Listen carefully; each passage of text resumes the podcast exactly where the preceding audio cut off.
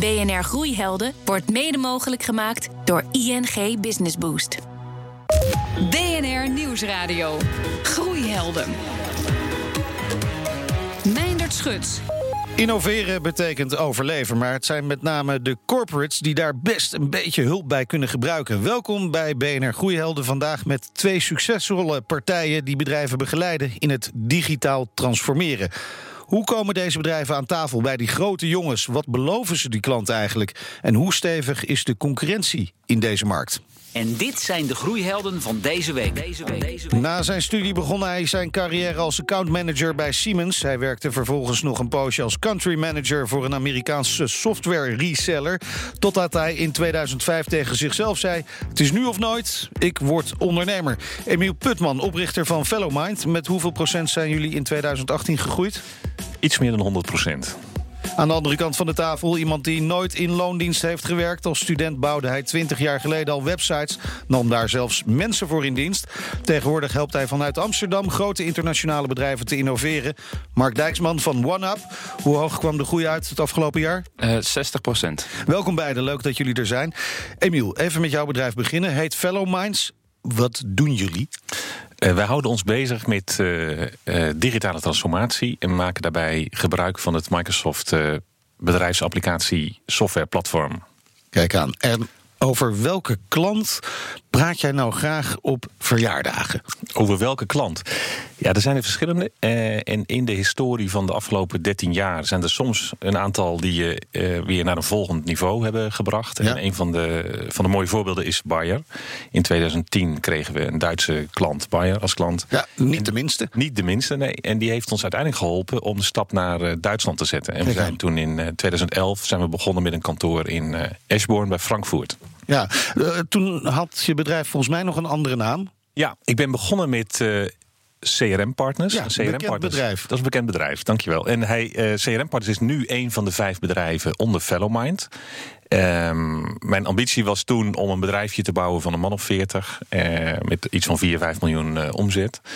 En ja, naarmate je wat dichter bij de doelen komt, dan uh, stel je weer nieuwe doelen. En dat is inmiddels uh, uitgegroeid tot een bedrijf van uh, 450 mensen. Kijk aan. Mark, jij studeerde ooit bestuurskunde, knutselde vanuit de collegebank websites in elkaar. Hè? Ja. Was dat ook inderdaad een lucratieve business? Ik kan me voorstellen van wel voor ja, een student. Dat, dat, dat, dat, ging goed. Dat ging ook vrij snel. En dan vrij snel sta je voor de keuze van ga je het nu zelf blijven bouwen of ga je het zelf naar de markt toe brengen. Ja. Nou, ik heb voor het laatste gekozen toen de tijd. Overigens eerlijkheidshalve, ik heb bestuurskunde gedaan, maar heb ook heel kort informatie en economie gedaan. Uh, maar dat was iets te ingewikkeld uh, voor mij. Ah, okay. Heel eerlijk. dus heel ik wist ook gelijk uh, aan welke kant ik het moest gaan zoeken. En het zorgde er wel voor dat ik in eerste instantie grote overheden inderdaad als, als klant had. Ja, is ook altijd goed om te weten wat je niet kunt. het bedrijf is niet helemaal goed mee afgelopen. Hè? Je ging failliet vanwege allerlei gedoe met investeerders. Wat gebeurde er precies? Um, ja, ik, ik, was, ik heb helaas het, het type investeerder ben ik tegengekomen die um, uh, op hele slinkse wijze het IP hadden omgerouteerd naar een ander bedrijf waar ze iets meer aandelen hadden. Um, onder andere uh, investeringen hadden gedaan die zich naar zichzelf toe weer ontrokken hebben. En uh, mij enigszins uh, gehersenspoeld hebben Ai. in uh, dat ik alles deed wat zij vroegen en zeiden en eisten. En ja, dat liep niet goed af. Ik hoop dat dat niet CRM-partners was. nee, nee, zeker niet. Nee, gelukkig niet. je hebt nu een eigen bureau in Amsterdam, OneUp. Ja. Werken 50 medewerkers onge ongeveer. Klopt. Ja, klopt. wat doen jullie nou precies? Um, wij hebben, um, heel, heel grappig, de aanleiding is eigenlijk dat wij in het verleden voor een grote energiereus, RWE, hebben wij een grote, toen een klus gedaan. Uh, ik zelf eigenlijk vijf jaar geleden. En uh, ze vroegen daar om, een, uh, om de Uber van de energie te, te creëren. Nou, ik kwam uiteindelijk op een. Ho wacht even, horen ja. jullie dat vaak van beide kanten? Even de, ik wil graag de Uber van de energie of de Airbnb van de dit is of dat is. Ja, extreem vaak. Ik weet Ja? niet, uh, volgens mij. Nou, wij zitten misschien iets minder in, aan de disruptieve kant. Ik denk dat, uh, dat Mark wat meer aan de kant zit van nieuwe bedrijfsmodellen. Wij uh, richten ons iets meer op bestaande bedrijven, digitaliseren naar de, naar, naar de nieuwe wereld. Ja, het is, uh, nu is natuurlijk blockchain wat, wat de klok slaat. AI, wat links en rechts geroepen wordt. Maar uiteindelijk is toen de tijd wel die vraag aan mij toen gesteld. Heb ik ben een oplossing bedacht. En dat leidde er uiteindelijk toe dat de board helemaal blij was van... Ja, dit moeten we gaan doen, jongens. ga maar met de organisatie aan de slag. En uiteindelijk nou, trad toen de, het immuunsysteem van de corporate op. En die hebben mij met mijn disruptieve idee letterlijk het bedrijf uit, uitgewerkt. Het was iets te Ja, ik denk het, ja. Hmm. Ja. En uh, ja, het stond niet in de KPI's. Uh, we hebben de resources niet. Nou ja, je kent ze allemaal wel uh, die dan voorbij komen. en dat heeft uiteindelijk mij toen doen laten nadenken van... hey, hoe, gaan we, hoe gaan we dit wel voor elkaar krijgen? Oké, want het is dus belangrijk dat je eigenlijk in het DNA van dat bedrijf komt... dat je helpt met innoveren. Ja, je moet, op een, um, je, moet, je moet onderkennen dat, een, dat het een huidig bedrijf... heel goed is in de exploitatie van een bestaand businessmodel. Ehm, waarbij heel veel um, zekerheden zijn, heel veel voorspelbaarheden. Um, en als je dus meer disruptieve of radicale innovaties wil gaan toepassen, dat dat per uitstek, per, definitie dat niet is. Uh, en dat gaat meer over de exploratie van nieuwe businessmodellen. Um, en die twee werelden moet je ook los van elkaar zien. En hebben ook andere uh, doelen en, uh, en, en zaken die, die bereikt moeten worden. Emiel, jij hebt nu zo'n 300 mensen in dienst, hè, verspreid over kantoren in drie landen inmiddels. Ja, iets, iets meer, hè? Iets meer, 450. Ja, 450, je zei het net. Ja. Uh, en je ambitie is om dat nog meer dan te verdubbelen, hè, naar, naar duizend medewerkers. Ja, om heel eerlijk te zijn, te, ik zeg triple the growth. Hè. Triple dus, zelfs, dus, triple, dus eigenlijk uh, verdrievoudigen. Uh, maar dat is eigenlijk een, een, doelstelling zeg maar, voor de komende vijf jaar. Ja. Waarom wil je dat? Is een goede vraag. Um, kijk, aan de ene kant, wat, wat is de drijfveer? Ik denk, um, aan de ene kant kun je zeggen van ja, hey, de technologie biedt ontzettend veel mogelijkheden. Die staat vol in ontwikkeling. Daar gebeurt van alles, zowel in Nederland, maar ook daarbuiten. Um, Microsoft, onze businesspartner, uh, doet ook heel veel goede dingen, dus dat helpt ook. Ja, we willen graag vooruit. Ik, ik, het zit wel een beetje in mijn DNA eigenlijk. Dat ik wel uh, behoefte heb aan verandering, vernieuwing, uh, ontdekken tot hoe ver we kunnen gaan. He, dus echt wel de behoefte om te kijken van, nou, we hebben zoveel goede mensen met dat talent en laten we het talent benutten. Dat is eigenlijk. En dan, dan, kan ik me voorstellen als je uh, Microsoft als businesspartner hebt, dat je misschien ook wel moet. Dat, het, het, kan haast niet anders met dat soort partijen. Nee, nee, nee? nee dat is helemaal niet. Uh, dat, dat, misschien ja, gelukkig niet het geval. Kijk, er zijn, Microsoft heeft wereldwijd duizenden partners. Hè? Partners uh, in de grootte van uh, 10 mensen. Uh, bedrijven met 30 of 50 of 100.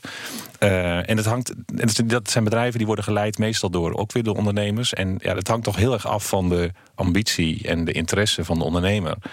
tot hoe ver je wilt gaan. En voor ons geldt dat wij in Europa de kans zien om hier de toonaangevende partij te worden. En die rol willen we graag uh, ja, gaan pakken. Hoe zit dat bij jou? Um, ja, de groei zit aan de ene kant in mensen, um, maar vooral ook in software. Wat ja, maar in een half, over die mensen gesproken, in een half jaar tijd ben je van, uh, van 1 hè, naar 50 gegroeid, medewerkers. Eigenlijk zit je in een soort scale-up fase. Ja, we zitten, ja, dat is inderdaad een interessante uitdaging waar we nu, eh, waar we nu zitten. Um, um, en eigenlijk de grootste uitdaging is uh, hoe behoud je de kwaliteit. De klanten die we hebben, die blijven echt langere termijn, langere tijd bij ons. Um, dus we doen iets goed met de kwaliteit, maar om dat ook te blijven waarborgen en tegelijkertijd ook te groeien, maar ook dus de cultuur van de organisatie bij iedereen tussen de oren te krijgen, dat is een, een, uitdaging. Maar wel eentje waar we tot nu toe in slagen. Nou, een fase die jij al hebt meegemaakt. Ja, ja, Hoe doe je dat? Uh, nee, dus, we hadden het er net even over uh, okay. uh, in ons gesprek. kijk, die fase, de eerste fase die, die ik herken, zeg maar, is die groei naar 30 mensen. Dan ja. hangt het heel erg aan de ondernemer. Je kunt alles nog een beetje overzien. Je kent iedereen. Je kunt die groep van 30 mensen kun je nog aansturen. Um, dat was voor mij destijds wel een heel moeilijk moment om die stap naar die 50 te maken. Waarbij je meer gebruik maakt van mensen om je heen. Meer moet delegeren, dingen moet loslaten. En um, ja, die stap naar 50 uh, was ook een, een, een, cruciale, denk ik. En voor ons, ik weet nog heel goed bij ons wat er gebeurde. Uh, ik, ik, had iemand uh, ontmoet tijdens een, een, stuurgroep in een project. En dat was iemand met veel ervaring uit een wat groter bedrijf. En, en ik raakte eigenlijk elke keer wel geïnteresseerd en geïnspireerd door de gesprekken die we hadden. En ik dacht van ja, ik kan zelf het wiel gaan uitvinden hoe ik van 50 ja, naar 100 kom. Maar deze meneer Arend heet hij. En ehm, die heeft het al een keer gedaan. En ehm, volgens mij moet ik Arend gewoon hebben. En uiteindelijk eh, eh, nou ja, ontstond dus het moment dat Arend bij ons aan boord kwam. En ik denk dat hij uh, in die fase een hele uh, belangrijke rol heeft gespeeld om ons gewoon door die, uh, ja, ja. die fase heen te leiden. En toen is die stap van 50 naar 100 is dan heel snel ge gegaan. Oké, okay, Mark, heb jij ook al een Arend? ja, we hebben voor Arend gewerkt. Uh, althans, daar werken we nog steeds voor, maar dat is denk ik een andere Arend. Die zit in de kantoormeubelen. um, um, uiteraard heb ik mensen om, ons, om me heen die, die adviseren en die helpen. nog niet iemand die, die aan mijn zijde inderdaad dat, dat verder brengt. Tot nu toe heb ik het met uh, uh, drie andere mensen gedaan die uh, vanaf nou, redelijk in het begin al, al bijgeschakeld zijn. Nogmaals, je moet snel weten, ook als ondernemer, waar je vooral ook niet goed in bent en daarin de juiste mensen vinden. BNR Nieuwsradio. Groeihelden. In deze uitzending van BNR Groeihelden praat ik met twee snelle groeiers die bedrijven helpen te innoveren. Straks daarover meer, maar eerst is het tijd voor de groeiheld van deze week. Ik heb contact met Frank van Marwijk, oprichter van Bodycom Lichaamscommunicatie en schrijver van het boek Doe niet zo moeilijk, de kunst van het relativeren. Frank, wie is jouw groeiheld? Mijn goede held is Gerard Bolte van uitgeverij Heestek. En, en waarom is hij uh, een goede held? Ik weet dat hij ook een boek heeft geschreven. Hè? Zo schrijf je een managementboek. Ja, nou ja, daar zegt het al. Hè. De manier waarop hij zijn uh, auteurs begeleidt is uh, bijzonder. En ik, ik heb ooit zelf bij een andere uitgever gezeten en, uh, en een ander boek van een heel ander kaliber geschreven. En uh, ja, daar werd ik minder begeleid. Ik moest bijvoorbeeld zelf achter de media aan en uh, aandacht geven aan mijn boek. ik uh, er, zat niet een, een, corrector op die alles corrigeerde en dergelijke. En dat is bij uitgeverij Heestek vanaf het begin geweest. Dit is inmiddels mijn zevende boek. Uh, sommige mensen kennen mij van andere boeken. Ja. Uh, en um, nou ja, dit boek gaat over relativeren. En dat heeft hij mij voor een groot gedeel, deel geleerd. Uh, en dan in de zin van ga voor het maximale, uh, maar laat je niet frustreren. Ook in het schrijfproces. Soms schrijf je dingen op en uh, nou, dan heb je best wel energie in gestopt. En dan denk je, ja, het is het toch niet. En dat kan frustreren, dat kan leiden tot writers blocks.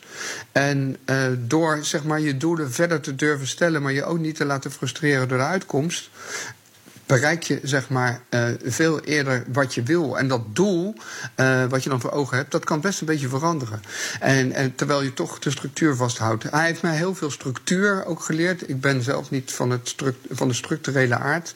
En hij heeft mij vooral geleerd dat je dingen uh, ja, volgens een bepaalde structuur moet opzetten. En ja, daar is hij zeker een inspiratiebron geweest. Klinkt als een gouden ondernemerstip. Dankjewel, Frank van Marwijk, directeur, oprichter van Bodycam Lichaamscommunicatie.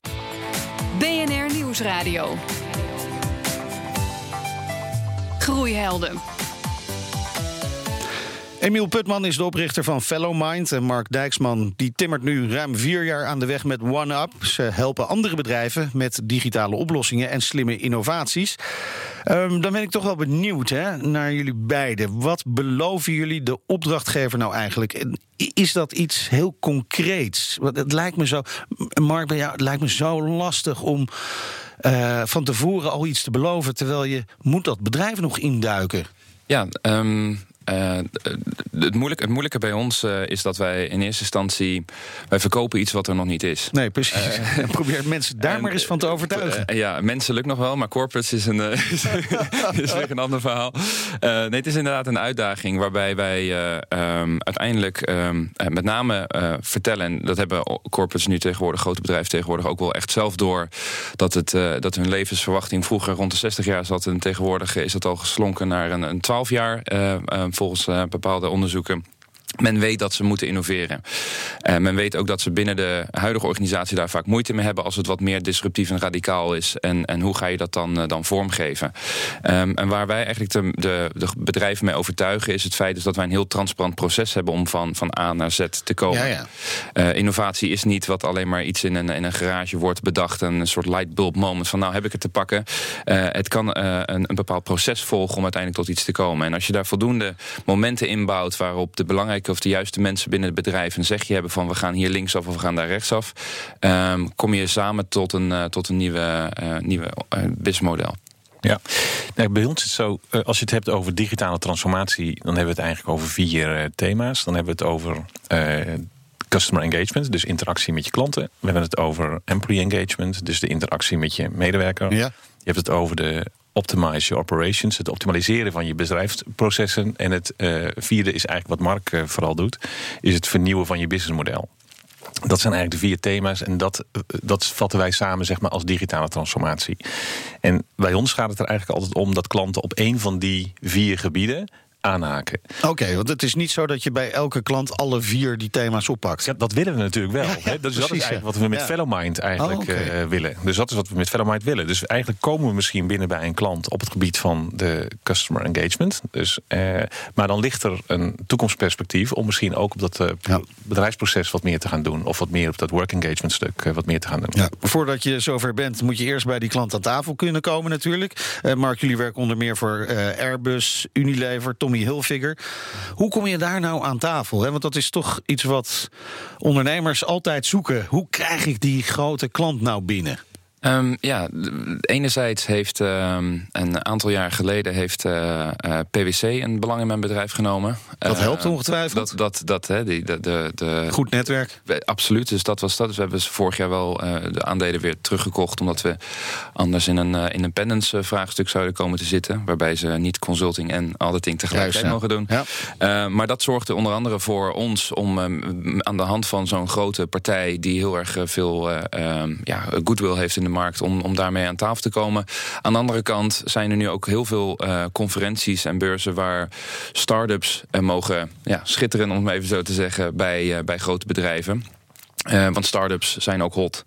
Uh, misschien ben ik inmiddels wel in de scale-up uh, fase met mijn ja. bedrijf. Maar ik gebruik gewoon nog lekker steeds start-up. want dat, ja, werkt het ook zo? Want ik kan me ja. ook voorstellen dat zulke grote bedrijven als Unilever en Tommy Hilfiger wel graag willen zien dat je een, een track record hebt. En veel start-ups hebben dat natuurlijk niet. Nee, tuurlijk. We komen aan tafel wel met het schattige knuffelgevoel van we, zijn, we, zijn, we zijn een start-up. Ja. Maar dan moet het wel heel dus snel wel flink tot, doorbijten. moet het wel ook heel snel tot zaken komen. En als je dan laat zien wat, wat voor een track record je hebt, uh, dan, uh, dan, uh, dan slecht dat vaak de deal inderdaad. Ja. ja. bij jullie, Emiel, zijn er natuurlijk veel meer partijen hè, die Microsoft-producten kunnen implementeren.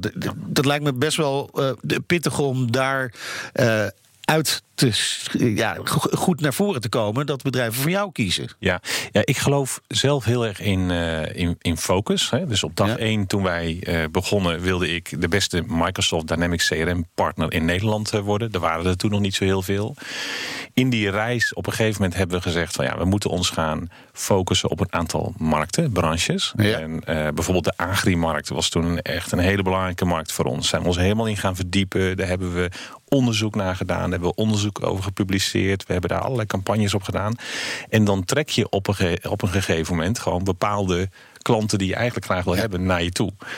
Uh, dat is eigenlijk een beetje het geheim. BNR Nieuwsradio.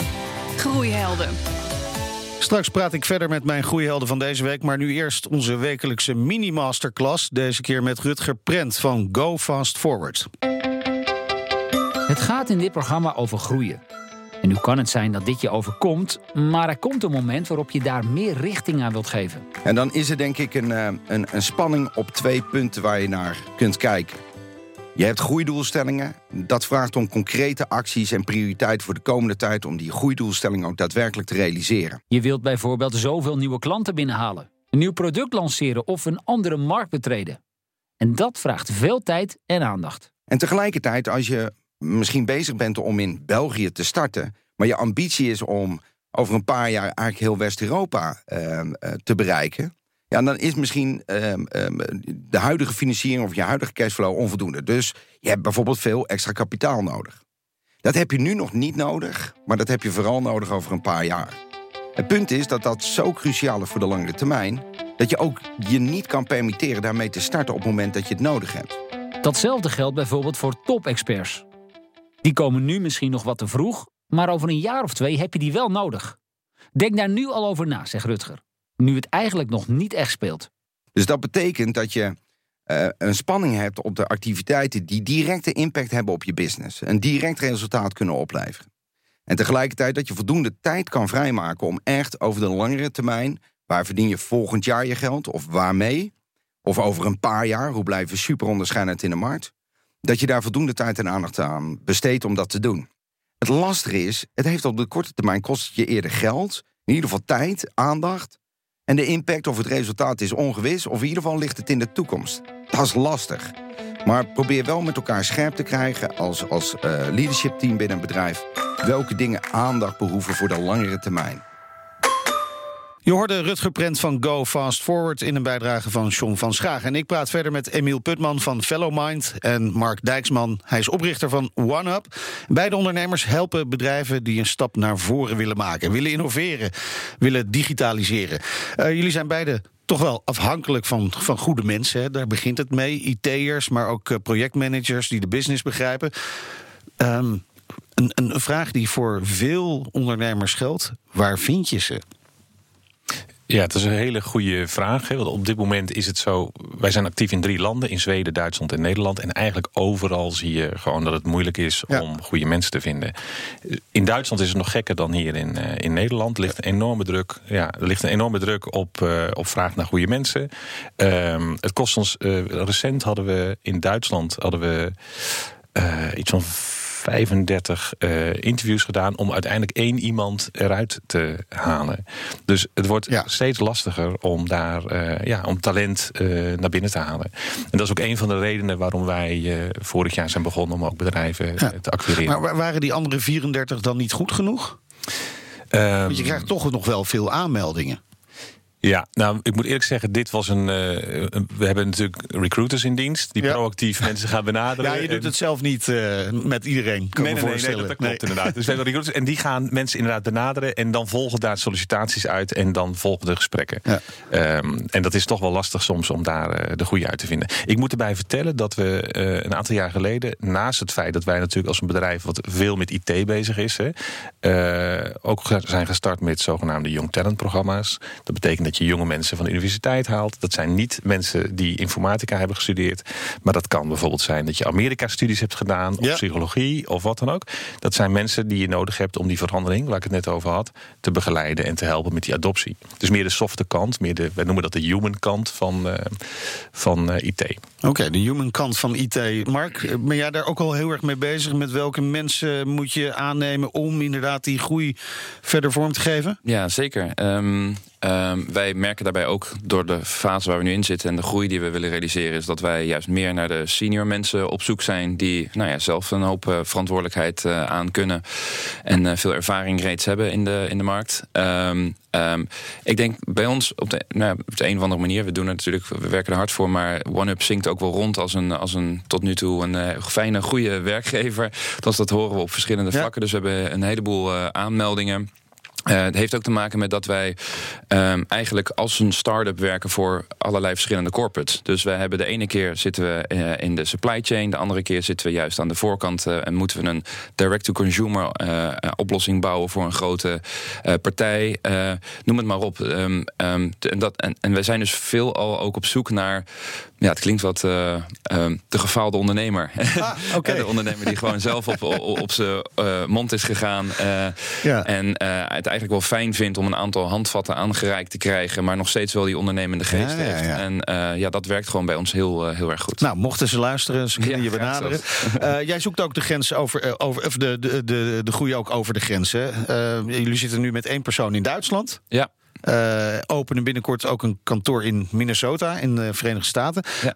Dan vraag ik me af, je, je, je zegt, wij zijn een soort start-up, maar dan ga je in Minnesota zitten. Waarom ja. daar? Nou ja, vanwege deze reactie eigenlijk. Uh, um, want heel veel mensen die zeggen toch wel van, uh, ja, ja um, en, en ik noem dat zelf even de, de hippe millennials, die uh, willen lekker aan de linkerkant zitten ja. in het westen in Californië, of die willen aan het oosten in het hippe New York zitten. Precies.